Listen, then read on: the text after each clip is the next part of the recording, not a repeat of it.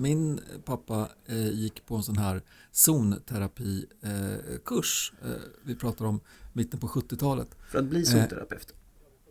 Nej, men han, jag vet, han höll på att utforska lite av varje. Han tyckte det här med astrologi var intressant. Och grafologi och du vet väl att Hans Scheike eh, har sovit i min säng.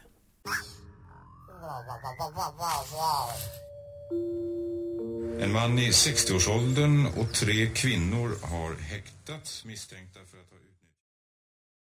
Det här kommer komma med bara så att du vet det.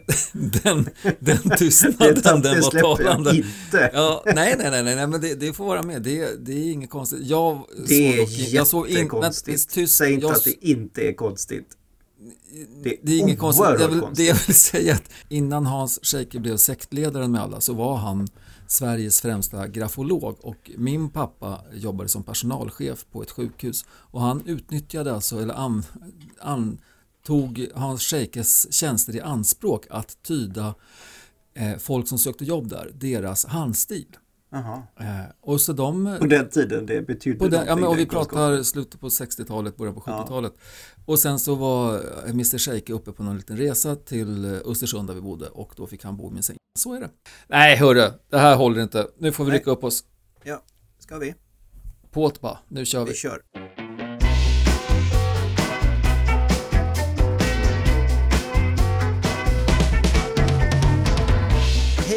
alla små och stora poddlyssnare och välkomna till det här första avsnittet år 2021 av podden X betydelse för Y. För er som lyssnar för första gången så lyssnar ni på Patrik Lögdqvist och eh, bredvid mig väldigt nära så sitter Sverker Hemring. Hej på dig Sverker. Hej Patrik, vad kul att höra dig igen. Det är roligt att höras. ja, det är alltid kul att höras. Ja. Eh, hörru du, vi har fått lite så här inspel på att vi kanske ska förklara vad det här X betydelse för Y, vad det egentligen är och var, var liksom, hur det kommer sig att eh, vi gör de avsnitten som vi gör. Har vi fått det på riktigt? Ja, på riktigt. Jag fick faktiskt en, en livslevande eh, poddlyssnare som sa att men hörru, hur kommer det sig att hur får vi fram eh, att, vilket band och eh, vad det har för betydelse för någonting. Och det har ju med våra kuvert att göra, att vi det. drar. Det här avsnittet nu heter ju faktiskt Foo Fighters betydelse för retorik. För det var det vi drog i slutet på förra avsnittet. Ja. Eh, ja. Så, Vilka är de då? Foo Fighters, ja men mm. det här är ju ett det är ett eh, häftigt band tycker jag. Eh, inte minst eftersom grundaren av bandet, eh, Dave Grohl, han var ju trummis i Nirvana.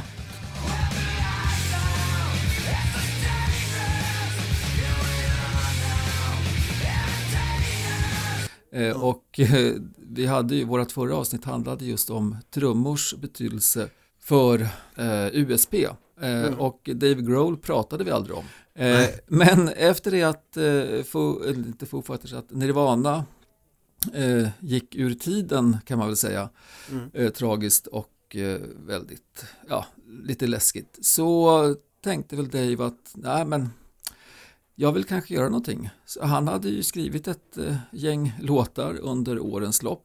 Mm. och så tar han sig med sitt pick och pack eller sina sina instrument och in i en studio och eh, på helt eget bevåg tillsammans med en mixerkille gör en platta. Han spelar alla instrument själva och han döper det här till Foo Fighters.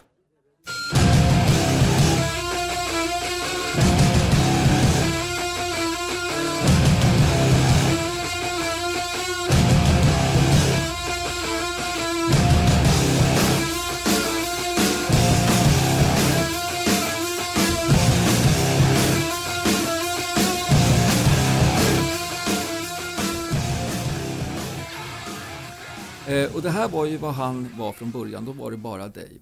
Eh, och då spelade han liksom, det han gjorde var att han sjöng och spelade gitarr. Men han plockade ihop ett eh, gäng för att kunna köra live. Och då hittade han en basist som heter Nate Mendel, eh, en kille på gitarr som heter Pat Smear. Och så hade han en annan trummis, som hette William Goldsmith eftersom han själv då lirade gitarr. Men du, nu, ja. två saker här bara. Ja. Jag tänker, han var ensam. Mm. Han satt, var han nu satt någonstans och spelade in sitt första album. Ja. Och så döper han sig till Foo Fighters. Ja, det är jätteintressant. Men det gjorde han alltså? Ja, det gjorde han. Eh, och det, Men, då, ja men då trodde han att ja ja men där kommer ju folk att vilja vara med mig. Och sen. ja, han hade väl i alla fall en sån eh, förhoppning, men han, Okej. han var nog ganska eh, osäker på riktigt vart det här skulle kunna ta vägen någonstans. Mm. Men Men han, andra frågan som jag hade, den här Jerry, den här Jerry Goldblum, nej? nej, William? Goldsmith? Smooths, Goldsmith tror jag, William Goldsmith. Goldsmith, ja. Ja, är det så kul att, att få komma in i det bandet som trummis? Nej, det, det blir ju, alltså man har ju någon att eh, leva upp till kan man Det säga. kan ju bli lite stelt Lite första. stelt, det kan ja, det du bli. kan ju, det är typ som, inte vet jag, Jimmy Page, ska, ska, han ska börja spela klarinett och så plockar han in en, ja- en gitarrist som ska liksom kompa honom. Ja, du kan Ja. ju ställa där och köra lite, okej. Ja, och det var ju faktiskt så att den första live-trummisen, eller han som blev då trummis i, i Foo Fighters, alltså William, han var bara med eh, ett tag. Eh, för att nuvarande sättningen då består av alla de som jag sa, eh, plus eh, Chris eh, Shiflett, också en gitarrist, och Taylor Hawkins, nu mera då på trummor, sen lång tid tillbaka. Och han är ett, ja, en, en grym jävel han med. Så Har att- de inte någon elfenbenskliar också? Ja, och de har en, en kille på keyboard, Rami Jaffe heter han. Han blev, så att säga, original, eller han blev upplyft till medlem i bandet för några år sedan. Innan dess så hade han då varit med på live-turnéer och sånt där såklart. Så att Jag det är Foo. Fighters i, till, ja, idag liksom. Varför har de fått sådär rätt taskigt rykte? Men har de det? Ja, eller jag vet inte, men alltså man hör här, men de är så jävla pretto och det är så arena rockers och det är bara sådär. Ja, men alltså de har ju det är ju ett, ett stort rockljud eh, som, som de bjuder på. Eh, nu för tiden ser de ju då tre gitarrister, keyboard eh, och trummor och eh, bas. Liksom. Så att det är stort och det har varit stort ända från början. Ser jag det som i alla fall. Sen kanske inte det är riktigt sant. De har säkert harvat runt på massa småklubbar och så också. Men eh, jag är inte riktigt säker på att de har haft ett eh, dåligt rykte. Jag, jag tror snarare att eh, de har ju, det har gått en massa olika turer med bandet. Eh, det har ju varit, som i nästan alla rockband, eh, liksom eh, drogproblem. Eller drogrelaterade problem i alla fall. Var det det? Ja, ja, alltså eh, trummisen Taylor Hawkins var riktigt illa däran eh, Mhm. för länge sedan i samband med typ deras tredje platta Okej. och sådär. Eh, och eh, de har ju, medlemmar har åkt ut och in lite grann. Pat Smear då, gitarristen som var med från början på turnén och även andra plattan tror jag.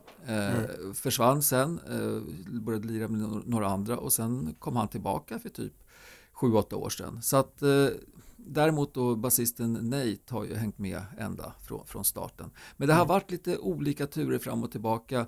Eh, Dave Grohl själv var på väg och eh, göra andra saker. Han gjorde ju en hel platta med eh, Queens Age of the Queens, vad fan heter de? Queens Member of the Stone Age eller någonting sånt. Ja, Wacky Wacky Wacky Stone Age. Stanky Stonehenge. ja, och den plattan, eh, Songs for the Death, är ju en av de bästa plattorna som eh, har gjorts.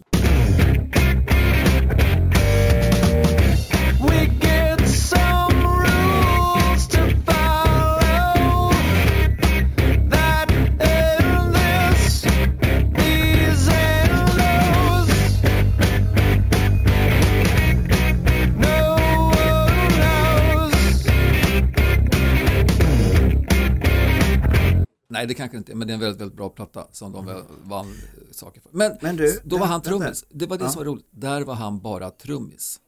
Det var spännande. För att eh, sen kom de tillbaka efter att han hade varit ute på den lilla exposén med då. Queens Age För, för, för man har ju sett dem på många, många YouTube-klipp och, och, och alltså jag måste säga så här, det kommer vi att komma till. Jag har ju inte Mm. lyssnat så där väldans mycket på Foo Fighters. Utan jag har ju lyssnat på Foo Fighters när de har spelat covers för att det har kommit någon stor, tung, känd rockperson upp på scenen och, och lirat med dem. do something special for you motherfuckers. All you 86,000 motherfuckers that came out to see us play tonight. So we'd like to invite a couple very special guests, Mr. Jimmy Page and Mr. John Paul Jones from Led Zeppelin! Are you ready?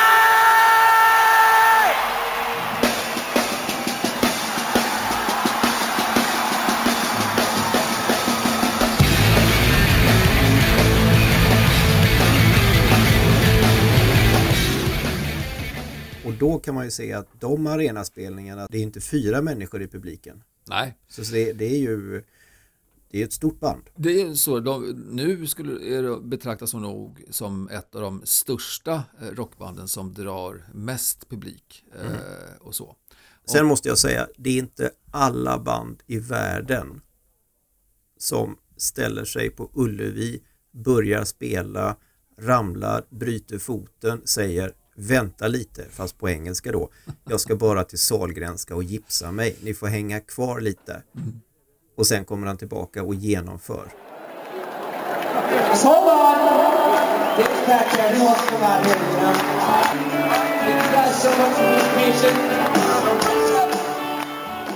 Det händer inte jätteofta. Nej, det gör det inte. Nej. Och det är, på något vis så tycker jag det är lite grann sinnebilden av Dave Grohl. Han, Ja, han verkar är, inte ge sig. Han ger sig inte, han är rock'n'roll. Och det har folk betalat biljetter för att de ska leverera rock'n'roll. Finns inte ett benbrott, ett, ett armbrott som kan hindra från att de då ska leverera det. Så att han, han är ju också han älskar live, han älskar att ha, liksom gå på konserter själv.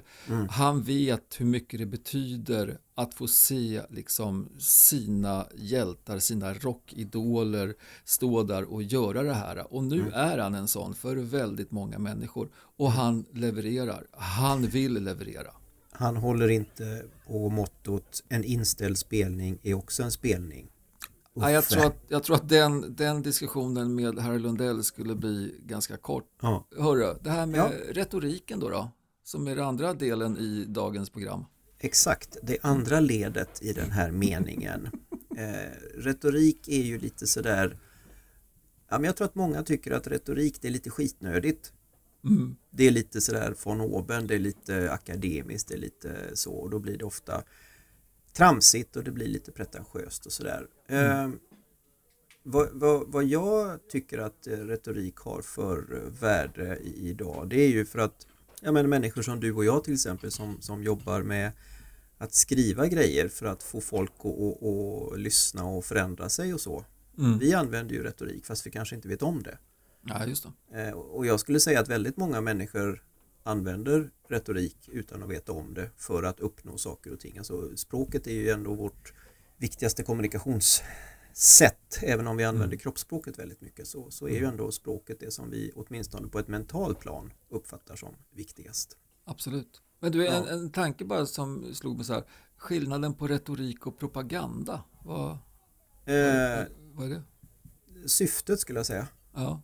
Ja. Med pro- propaganda så vill man någonstans. eh, Liksom, Nej, jag skulle säga att propaganda är ju, är ju, eh, alltså det är ju en, en, ett sätt att förändra människor av, med ett politiskt grundsyfte. Ja, ja. okej. Retorik i sig, i sin vidaste bemärkelse, det handlar ju egentligen bara om att övertyga människor att tycka som man tycker själv genom att tala till dem. Mm. Men vet du, vi kanske får ihop eh, ett avsnitt någon gång som handlar om något, något bands eller artists eh, betydelse för propaganda. Eh, vi lämnar det som en cliffhanger och eh, ni får se. Eh, Ja. men, nej, men det är bra, vi, vi gled in på syftningen, syftet lite och användningen. Mm. Man använder ju det för att göra det tydligt vad man vill säga, man, man Ja. ska vädja till människors känslolägen, man använder något som heter logos för att lyft, ly, eller vädja till människors förnuft och så vidare. Då. Mm. Men vad jag skulle säga med den här lilla inledningen det är att det finns rätt mycket vardagsretorik också. Just det. Vad har vi då? då? Nej men vi har ju exempelvis det som man kallar för den retoriska frågan. Mm. Exempelvis, ska, be, ska vi behöva lyssna till sånt här? Det är ju en fråga man ställer som ingen säger ja, det tycker jag väl. För den har egentligen redan svaret i sig självt. Mm, just det. Det kan också vara, ja, har jag någonsin bett dig om en tjänst? Eller har jag någonsin lånat pengar av dig? Och det är ju inte för att man inte vet det, utan det är ju Mm. för att man säger att det här har jag ju aldrig gjort, men man ställer det som en fråga. Ja, ah, just det. Det är intressant faktiskt. Eh, sen så finns det ju alltså miljarder olika eh, eh, talesätt, ordspråk och, och, och ordlekar som, som också då är, är lite, man kallar det för retoriska figurer. Mm, Eh, okej. Vi har exempelvis eh, allitterationen. Ja, ja. Eh, Det är alltså ord som står varandra rätt nära stavningsmässigt Mhm. eller innehållsmässigt och så börjar de på vokaler eller samma konsonant. Jaha, okej. Vi kan ha ur askan i elden, Ja, just det. lika barn leka bäst. Ja, den är snygg. Ja, Mm. det är ju någon form av rimtyp. Men, men i och med att man använder det och då har en viss rytm i det så sätter det sig liksom. Mm. Finns det fler retoriska figurer också? Ja, tänk, tack för att du frågar Sverker, det finns det faktiskt. Roligt att du lyfter det. Vi har exempelvis en eh, anafor. Mm. Och det är då inte ett flickband med fyra tjejer i utan det stavas Anna For. Eh, och det är då en upprepning av ett ord i Jaha. inledningen av en mening då. Okej. Jag tror man brukar ha tre upprepningar. Eh, Mm. Exempelvis den här. Veni, vidi, vici, as they used to say in Gaul. I'm learning my Latin and I'm having.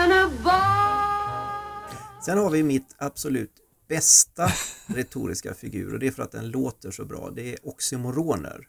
Ni Oj. som eh, för Ja. anteckning, skriv nu. O-X-Y-M-O-R-O-N, oxymoron.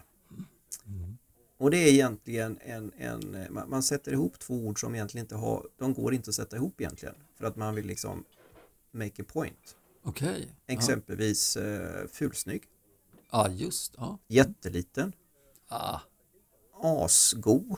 asgott ja. Ja, just det. Ja, det är ju sällan något det är asgott. Det är en oxymoron. Ja, Det är en ro, roligt ord. Det låter ju mer som någon form av eh, stenart, bergart, måste man Ja. säga. Mm. Det kanske det är. Det vet jag inte riktigt. Också. Sen kan man ju faktiskt också använda retoriken i musiken. Här, här dök ju vi ner och började titta på saker och ting. eh, Mm, och, och vi hittade ju den fantastiska uppsatsen Introduktion till retorik i musik.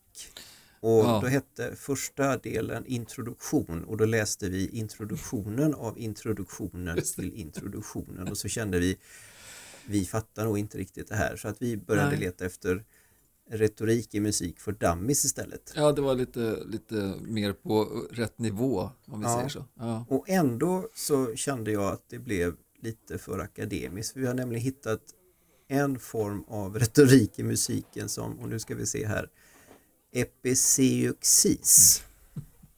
Just det. Och det är alltså en, en, eh, man bygger en mening där ord upprepas eller eh, ordpar då Mm. upprepas som, som går mot någon form av slutledning till exempel. Jingle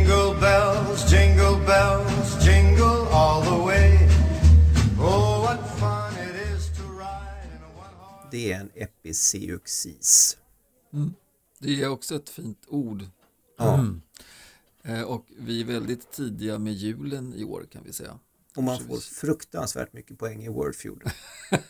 Fatta den med dubbelord, trippelord. Det är ju fan 6000 poäng eller någonting sånt. Ja. ja ska testa det nästa gång. Mm. Det måste vi testa. Se om den ens finns med i Svenska Akademins ordlista. Men det gör den ju. Nej. Såklart. Ja, det gör Ja, det nog. det får vi Mm. hoppas. Ja, ja okej, så då hade vi Episeuxis och det var då Jingle Bells. Mm. Just det. Då har vi fått lite olika eh, retoriska liksom, formler eller saker framför oss här i alla fall. Det var ju intressant. Och då tänkte vi liksom, ja, om vi har då Foo Fighters och så har vi retorik och så ska vi då kolla lite grann, har Foo Fighters haft någon då betydelse för, för retorik? Och när vi började leta efter saker där vi kanske skulle kunna hitta något svar på den frågan då, Mm, mm. då började vi titta på hur texterna i populärmusiken har förändrats ur ett intelligensperspektiv de senaste åren. Mm. Det var väldigt Det är en jävligt rolig fråga att ställa tycker jag faktiskt. Och har någon Ja. ett svar på det? Jajamän. Finns, och det, ja, nästan allting finns där ute. Om Ja, man bara det. letar. Ja, det är intressant. Ja. Trumvirvel för Andrew Powell Morse. Han har nämligen genom ett verktyg som heter Readability Score listat 225 låtar Mm. för att ta reda på hur har det gått? Har de som skrivit låtarna hjälpt oss att bli mera intelligenta de senaste tio åren? Mm. Eh, För er som undrar då så är readability score det är någonstans, det, det, det är en, vad ska man säga, det, det är, man, kollar på texten som står och så finns det ett, ett index då som berättar ungefär på vilken utbildningsnivå Mm. någon behöver vara för att kunna läsa den här texten. Precis. Och han, han eh, tryckte då in 225 låtar här Mm. och så fick han ut mer än 2000 enskilda datagrejer. Och han, just det, han, han tog då eh, låtar som hade legat minst några veckor på Billboardlistan va? Och där, där fanns faktiskt eh, Foo Fighters med. Jajamän. Ja. Eh, och det var ju då en av deras eh, hitlåtar kan man säga. Det är Learn to Fly.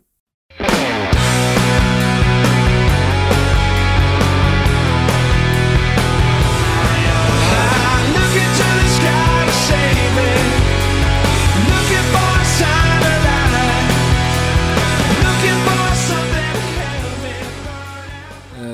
hade då 97,0. Eh, vilket då, alltså, enligt hans sätt att se det, eh, så då var det lagom för en 11-åring. Ja, Ja, det var, så kan det vara. ja, så kan det vara. Eh, sen hittade vi då, de hade ju massa olika, han hade massa olika listor då. Eh, vi tog de tre bästa rockartisterna För sista gången den här säsongen. Vi har stängt slussarna, vi har räknat rösterna och vi har ett resultat. Japp. och där har vi från på bronsplatsen Mhm. Och här, nu, nu blev det en helt annan, en helt annat sätt att, att värdera det här för när Sverker pratar om Learn to Fly som fick ni- 97,0 Mm. Ja, det här sant. är ett helt annat sätt att räkna på. Vi, vi förstod nog inte riktigt hur det gick till. Vi kan bara se att det finns en, en skillnad. Ja, Men, men, men de eh, tre bästa rockartisterna då Mm. på Readability Score det är Foo Fighters faktiskt med 2,62 poäng.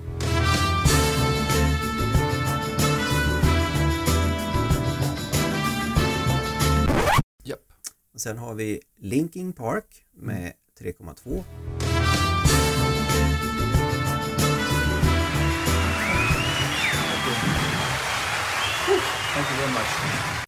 Guldplats nej, bara slog Linkin Park med 0,1.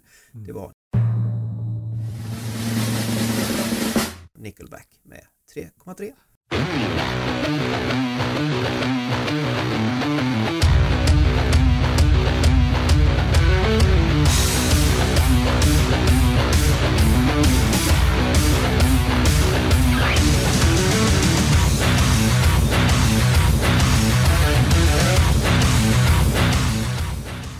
Ja, men det är inte dåligt att få en eh, bronspeng, eh, Mr Dave och resten av gänget.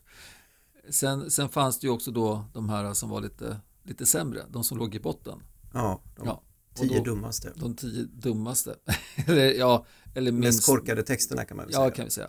Och då hade vi då just eh, våran Someone has been in my room and taken my away from my room. Han som vi pratade om på vårt första poddavsnitt, Mr Ozzy Osbourne med låten Let Me Hear You Scream.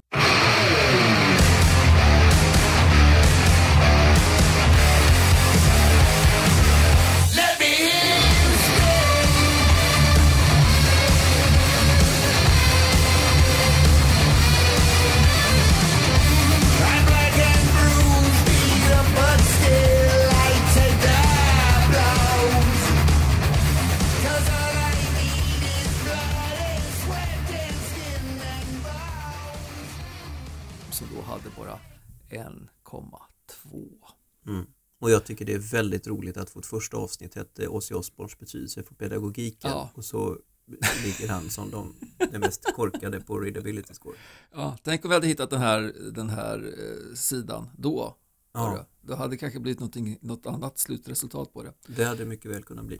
Men du, Ja. om, vi, Ja. om vi, vi slutar dissa stackars Ozzy nu då och så Ja, går vi tillbaka till huvudspåret på den här podden. Mm. När, när, när träffade du Foo Fighters första gången? Alltså det här är rätt kul för att jag har ett sånt verkligen tydligt minne av när jag hörde dem allra första gången.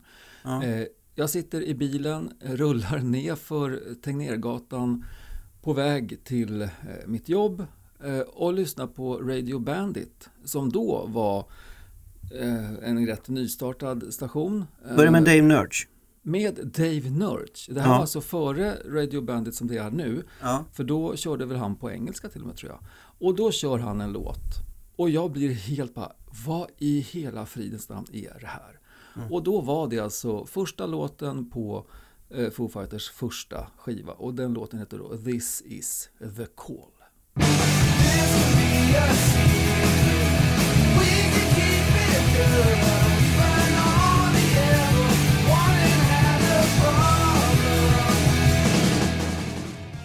Alltså den, jag var helt, jag var helt knockad. Och jag har, alltså man hade gjort, klart att man kände till Nirvana och sådär, men att, att det var en kille som hette Dave Grohl som var trummis i Nirvana, det vet jag inte ens om jag var riktigt medveten om, trots att jag då är, är liksom lite trummis själv. Men det här var ju någonting helt annat mot vad Nirvana var tycker jag. Och Mm. eh, nej, jag, jag beställde plattan, jag tror inte ens att den fanns att köpa i Sverige då. Alltså det här var tidigt, de fick typ som ett prov X på Radio Bandit. Mm. Eh, Så att jag beställde den och eh, fick hem den. Och tycker, ja det är, jag kanske, kanske inte tycker att hela skivan är riktigt jävla bra, men första låten, This is the call, är grym alltså. Vad är det som är bra tycker du? då? Men det är ju, det är ju hela ljudbilden på något vis. Alltså det är, de har ju ett väldigt karaktäristiskt sound. Eh, och det, det Mm. Ett, är en väs- stor... ett väldigt efterapat sound skulle jag säga också. Det är många som har tyckt att det här låter fräckt och så låter de så också. Ja, utan Det tycker jag i alla fall. Ja, nej Ja. men det, är- det är efterapat. Det går ju inte att sticka under stol med att, att Dave har väl lyssnat på en, på en hel del band också och tagit eh, mycket inspiration från eh, allt från 60-talets Beatles till, till massa andra band. Eh, Och många har tagit inspiration av dem. Men de har, de, har ett stort, stort rockljud skulle jag säga. Alltså det är väldigt, det är mäktigt. Ja, det funkar ju på arenor. Inte Utan annat. tvekan funkar det Ja. på arenor. Och sen har de ju eh, ofta, kan jag tycka, rätt lika ackordsföljder i sina låtar. Så man hör ju, tycker jag i alla fall, jag, eller jag hör ganska snabbt att ja, men det här är en Foo Fighters-låt. Eh, för att de har... Du menar liksom- innan de börjar spela, innan de börjar sjunga? Ja, nästan innan de börjar spela faktiskt. Jaha. Nej, det Tänk ändå. En smärre överdrift kanske. Ja. Eh, så, nej men och sen han har ju ett, eh, det är bara han som sjunger, eller som sjunger lead. Inte riktigt sant för Taylor Hawkins sjunger några lead-låtar också. Men han har ju ett eh, väldigt eget uttryck när han sjunger. Han skriksjunger ju på ett väldigt eget karaktäristiskt sätt. Det är ju liksom bara Dave Grohl som kan sjungskrika, skriksjunga på det viset, tycker jag. Det kanske inte är sant, det kanske finns en massa andra eh, band som efterföljare som, som låter som dem. Men jag tycker att det, och det är det som är han har ju en nerv i sitt sångeri och även som genomsyrar låtarna. Sen kan inte jag tycka kanske att alla deras plattor är, är superbra. Eh, jag tyckte första var bra, eller det jag hörde första gången. Sen så tog det mig väl ända till den här plattan då, One by One, som kom eh, lite senare. Eh, det var väl deras fjärde eller femte skiva. Som jag blev riktigt hooked på dem igen.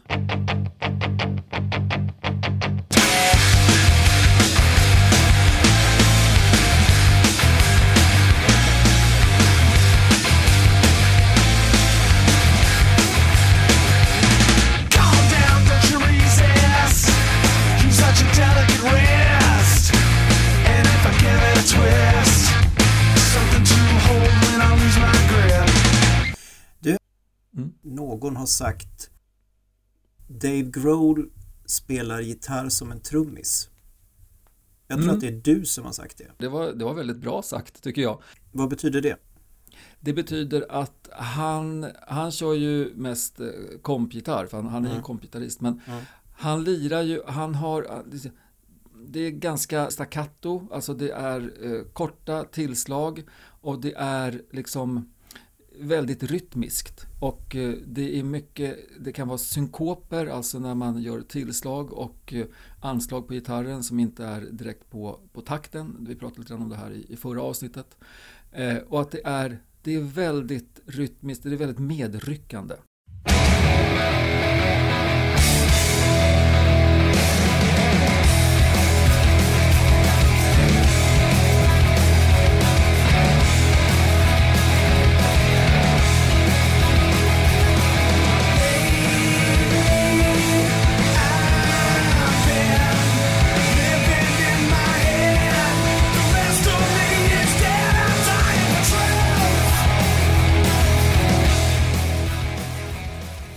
Han, han kör ju väldigt, ganska distinkt och hårt eh, Mm. kompgitarr i väldigt många låtar. Ja, men du Patrik, vi har ju lite olika åsikter om det här med Foo Fighters eh, Mm. och hur, vad de är, om de är bra eller inte så bra. Jag är ju åt, eh, åt det bra hållet, jag gillar ju dem väldigt mycket, men eh, vad, vad är din inställning till Foo Fighters? Min inställning till Foo Fighters är att jag gillar David Grohl jävligt mycket för jag tycker han är bra. Jag tycker han Mm. är bra som person. Jag tycker han är, han är energisk, han ger mig, han, han, fyller, han är en av de artisterna som faktiskt fyller mig med energi när jag lyssnar på vad han säger. Mm. Eh, däremot är jag inte jättesåld på deras musik. Jag tycker det, för mig är det lite, lite same same. Okej. Och, och sen kan jag kanske tycka också att det är, som du säger, han är väldigt, väldigt inspirerad av Beatles. Det finns väldigt mycket samma, vad ska man säga, ackordföljder, sätt som man bygger upp låtarna på lite grann. Eh, Vissa eh, partier som jag tycker är sådär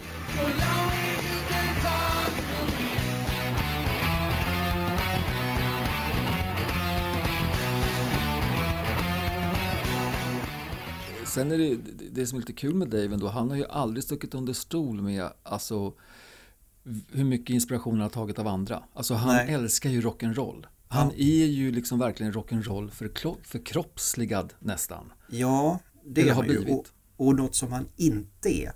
Han Mm. går ju inte runt och är pretentiös. Det, det kan man inte säga. Är det någonting han inte är tycker jag så är det pretentiös. Nej. De, de, Nej, men det de, han, verkar, han verkar ärligt göra detta för han tycker det är svinkul. Mm. Ja, men han känns ju som en jävligt eh, genuin, trevlig prick liksom. Som har Ja. hittat, verkligen har hittat sin, sin autostrada här i livet. Och det är att Mm. liksom göra storvulen rock'n'roll på något vis. Ja. Ja. Men du, ja, vi har den här andra delen då, då eh, liksom retorik. retorika. Ja, retoriken. Vi har ju pratat en del om, om retoriken och, och musik och sådär, men Ja. retorik handlar ju ganska mycket om politik, va? Gör det inte det? Det är ju väldigt tydligt så att stora talare, kända politiker blir ju det på grund av det de säger Mm. ibland. Mycket mer de säger än det de gör. Sen, Mm. sen är ju de största politikerna ju naturligtvis de som både säger och gör saker. Det är ju lite intressant, eller lite kul då, då att eh, Foo Fighters med deras eh, platta eh, In Your Honor som de släppte i början på 2000-talet, alltså blev en del av John Kerrys valkampanj. We're gonna play a couple songs before Mr. Man comes and uh, saves the world. So.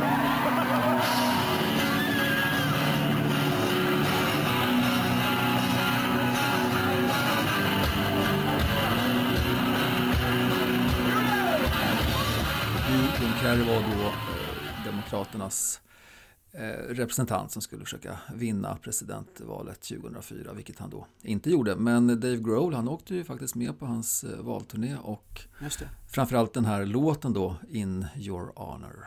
Mm. Så då kan man säga att Foo Fighters har haft betydelse för politik då? Ja, eh, fastän det gick ju kanske inte riktigt som de hade hoppats då. då så att, eh, Nej. Men eh, hade han vunnit så hade han väl kunnat ta åt sig en hel del lite mer av, av äran av det. Men han gjorde i alla fall ett försök. Eh, sen finns det ju det finns ju många eh, musikanter som väl försöker vara lite, lite politiska. Jag kan inte Mm. tycka att Dave Grohl har varit det med, med en platta så inte han han ses ju inte som någon, någon politisk eh, liksom, eh, musikartist. Men vi har väl en massa andra. Bruce Springsteen kan man väl säga har varit lite politiskt involverad. had another show prepared for broadcast this week on this strange and eventful summer. But with a hundred thousand plus Americans dying over the last few months, and the empty, shamed response from our leaders, I've been simply pissed off. Those lives deserve better than just being inconvenient statistics for our president's reelection efforts. It's a national disgrace. Ja, Bob Zimmerman. Ja. Även känd som Bob Dylan. Det är väl Dylan, ja. stundom Utan tvekan. politisk. We live in a political world. Love don't have any place. We living in times when men commit crimes and crime don't have a face.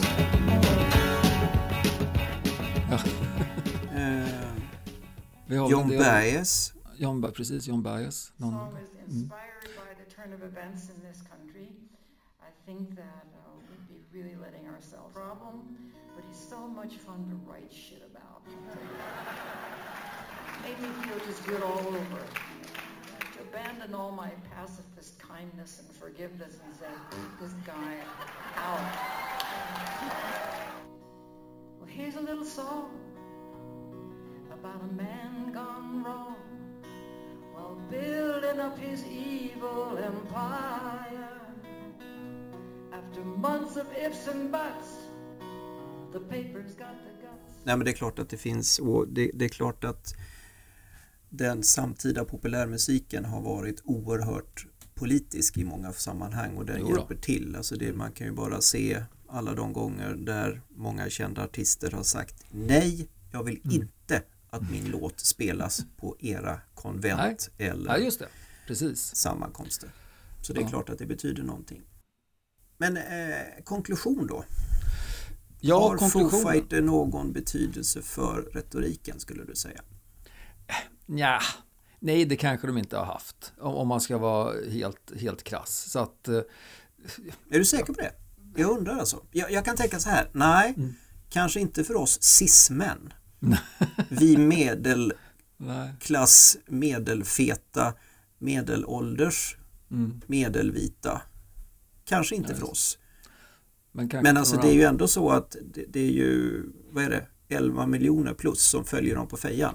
Ja visst och eh, deras, eh, sto, en stor del av deras eh, liksom följarskara är väl kanske lite, lite yngre än oss. Eh, kanske ligger mellan Ja, det 30 hoppas och man ju. 40. Ja det får man hoppas. Och Ja. för dem så kanske, så kanske Daves texter har haft någon, någon påverkan. Det är väl inte omöjligt. Sen finns det, det finns en liten bit i det här. Om inte annat så har han ju haft, han har ju jobbat för, liksom om man säger rock'n'rollen och eh, som, som kulturbärare. Mm. De gjorde ju faktiskt en platta som heter Sonic Highway. Mm. Där de Just det, den, åkte runt på turné i USA och eh, plockade in liksom lokala eh, förmågor som är liksom gamla rockidoler till Dave och gänget.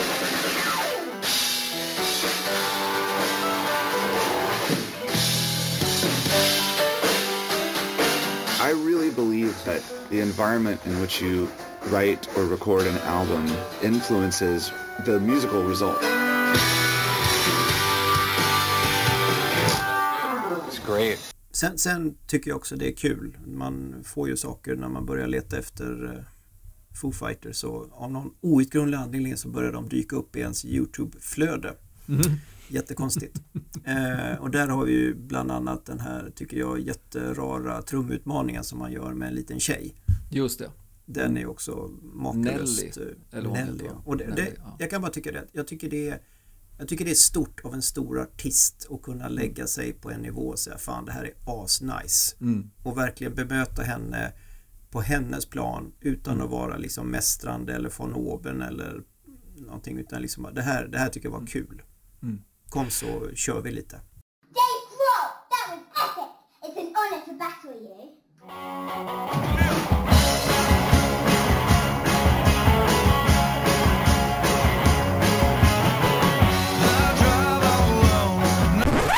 Round two. Dave Grohl has been cooking up something special. I'm sure it's epic. Let's see what he's been up to. Okay, Nandy. You got me. You win round one. But I got something special for you. Something you've never heard before. Something I've never heard before. Because I'm about to write this off the top of my head for you.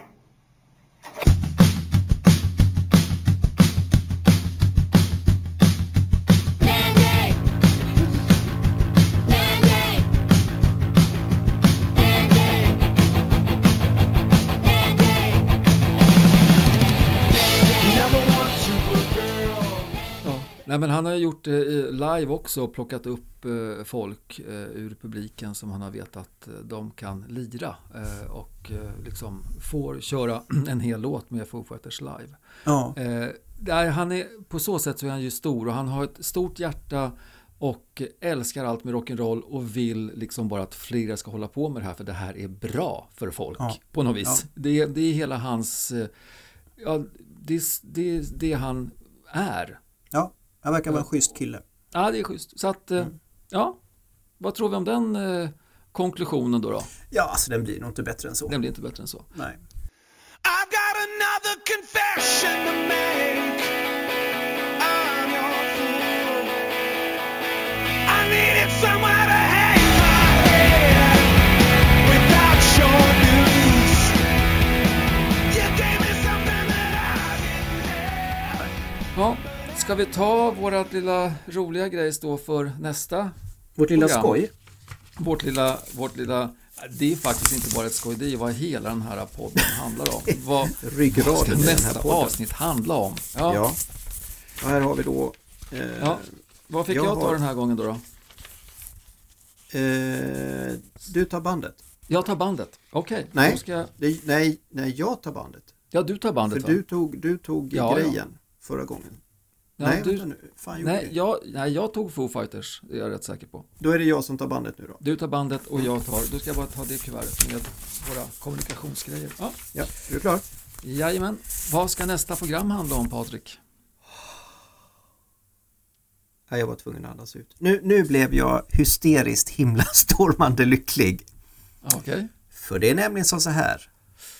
Nästa avsnitt, avsnitt 13 i podden X betydelse för Y kommer att heta trumvirvel Queens betydelse för Influencers.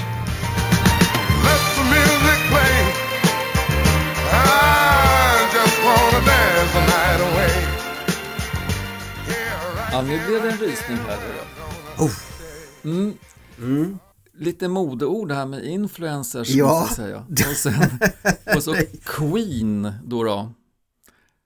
Vi, Åh, vad gärna gick igång nu. ja, vi säger väl... Mm. Yeah. Det här kommer tarva sina modiga dagar eh, och nätter av... Jag, jag, kan inte, jag kan inte lova att vi fixar detta på ett avsnitt. Det kanske blir en dubbel. Det kan Ja, bli så. Vi vet kan, inte. Det, här, det kan bli en dubbel. Ja, det kan bli en dubbel. Men eh, Herregud. Det här kommer bli jättekul.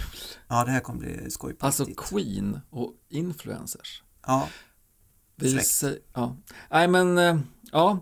Eh, kära lyssnare. Mm. Eh, ni som eh, orkar med oss. Eh, tack för det här avsnittet får vi säga. Stort tack. Ni har lyssnat ända hit och eh, som vanligt ser vi fram emot alla gillningar, kommentarer, Mm. mail.